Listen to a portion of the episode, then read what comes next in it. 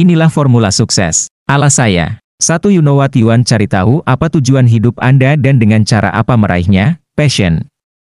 Setelah mendapatkan hal ini, fokuslah pada hal tersebut. Fokus melakukan passion Anda. Fokus melakukan hal yang membuat Anda nyaman dan Anda nikmati, walau belum menghasilkan uang. 2. Fearless dihina dan dihujat gara-gara melakukan passion? Biasa itu. Saya juga mengalaminya. Itulah tantangan Anda dalam melaksanakan passion. Di situlah keistiqamahan Anda teruji.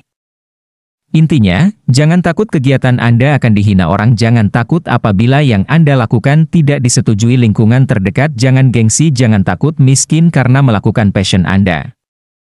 Karena ketika Anda melakukan hal yang Anda sukai, Anda nikmati, dengan perasaan cinta, tanpa memikirkan uangnya, in the end uang akan datang sendirinya hingga membuat Anda terbelalak tak menyangka.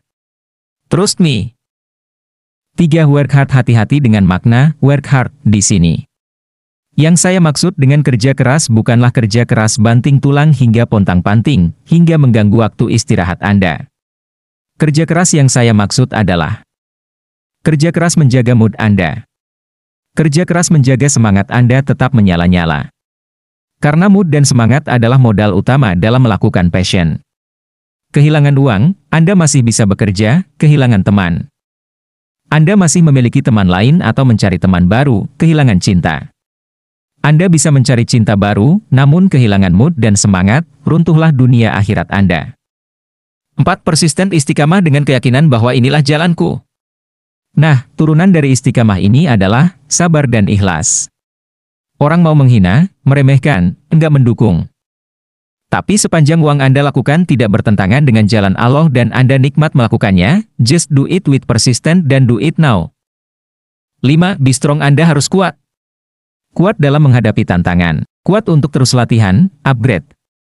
Kuat untuk tetap istiqamah, kuat menghadapi hinaan, hujatan, dan remehan dari orang lain ini yang utama, kuat keyakinan kepada Allah. 6. Perbaiki komunikasi saya selalu minta para coace untuk memperbaiki komunikasi mereka. Cara menyampaikan pesan ke setiap karakter yang berbeda, intonasi suara, bahkan pelafalan huruf. Contohnya, kalau via WhatsApp lama dibaca atau dijawab, maka telepon. Jangan ditunda, apalagi kalau urusannya penting. Jangan pelit pulsa. Atau masalah lain adalah pelafalan vokal.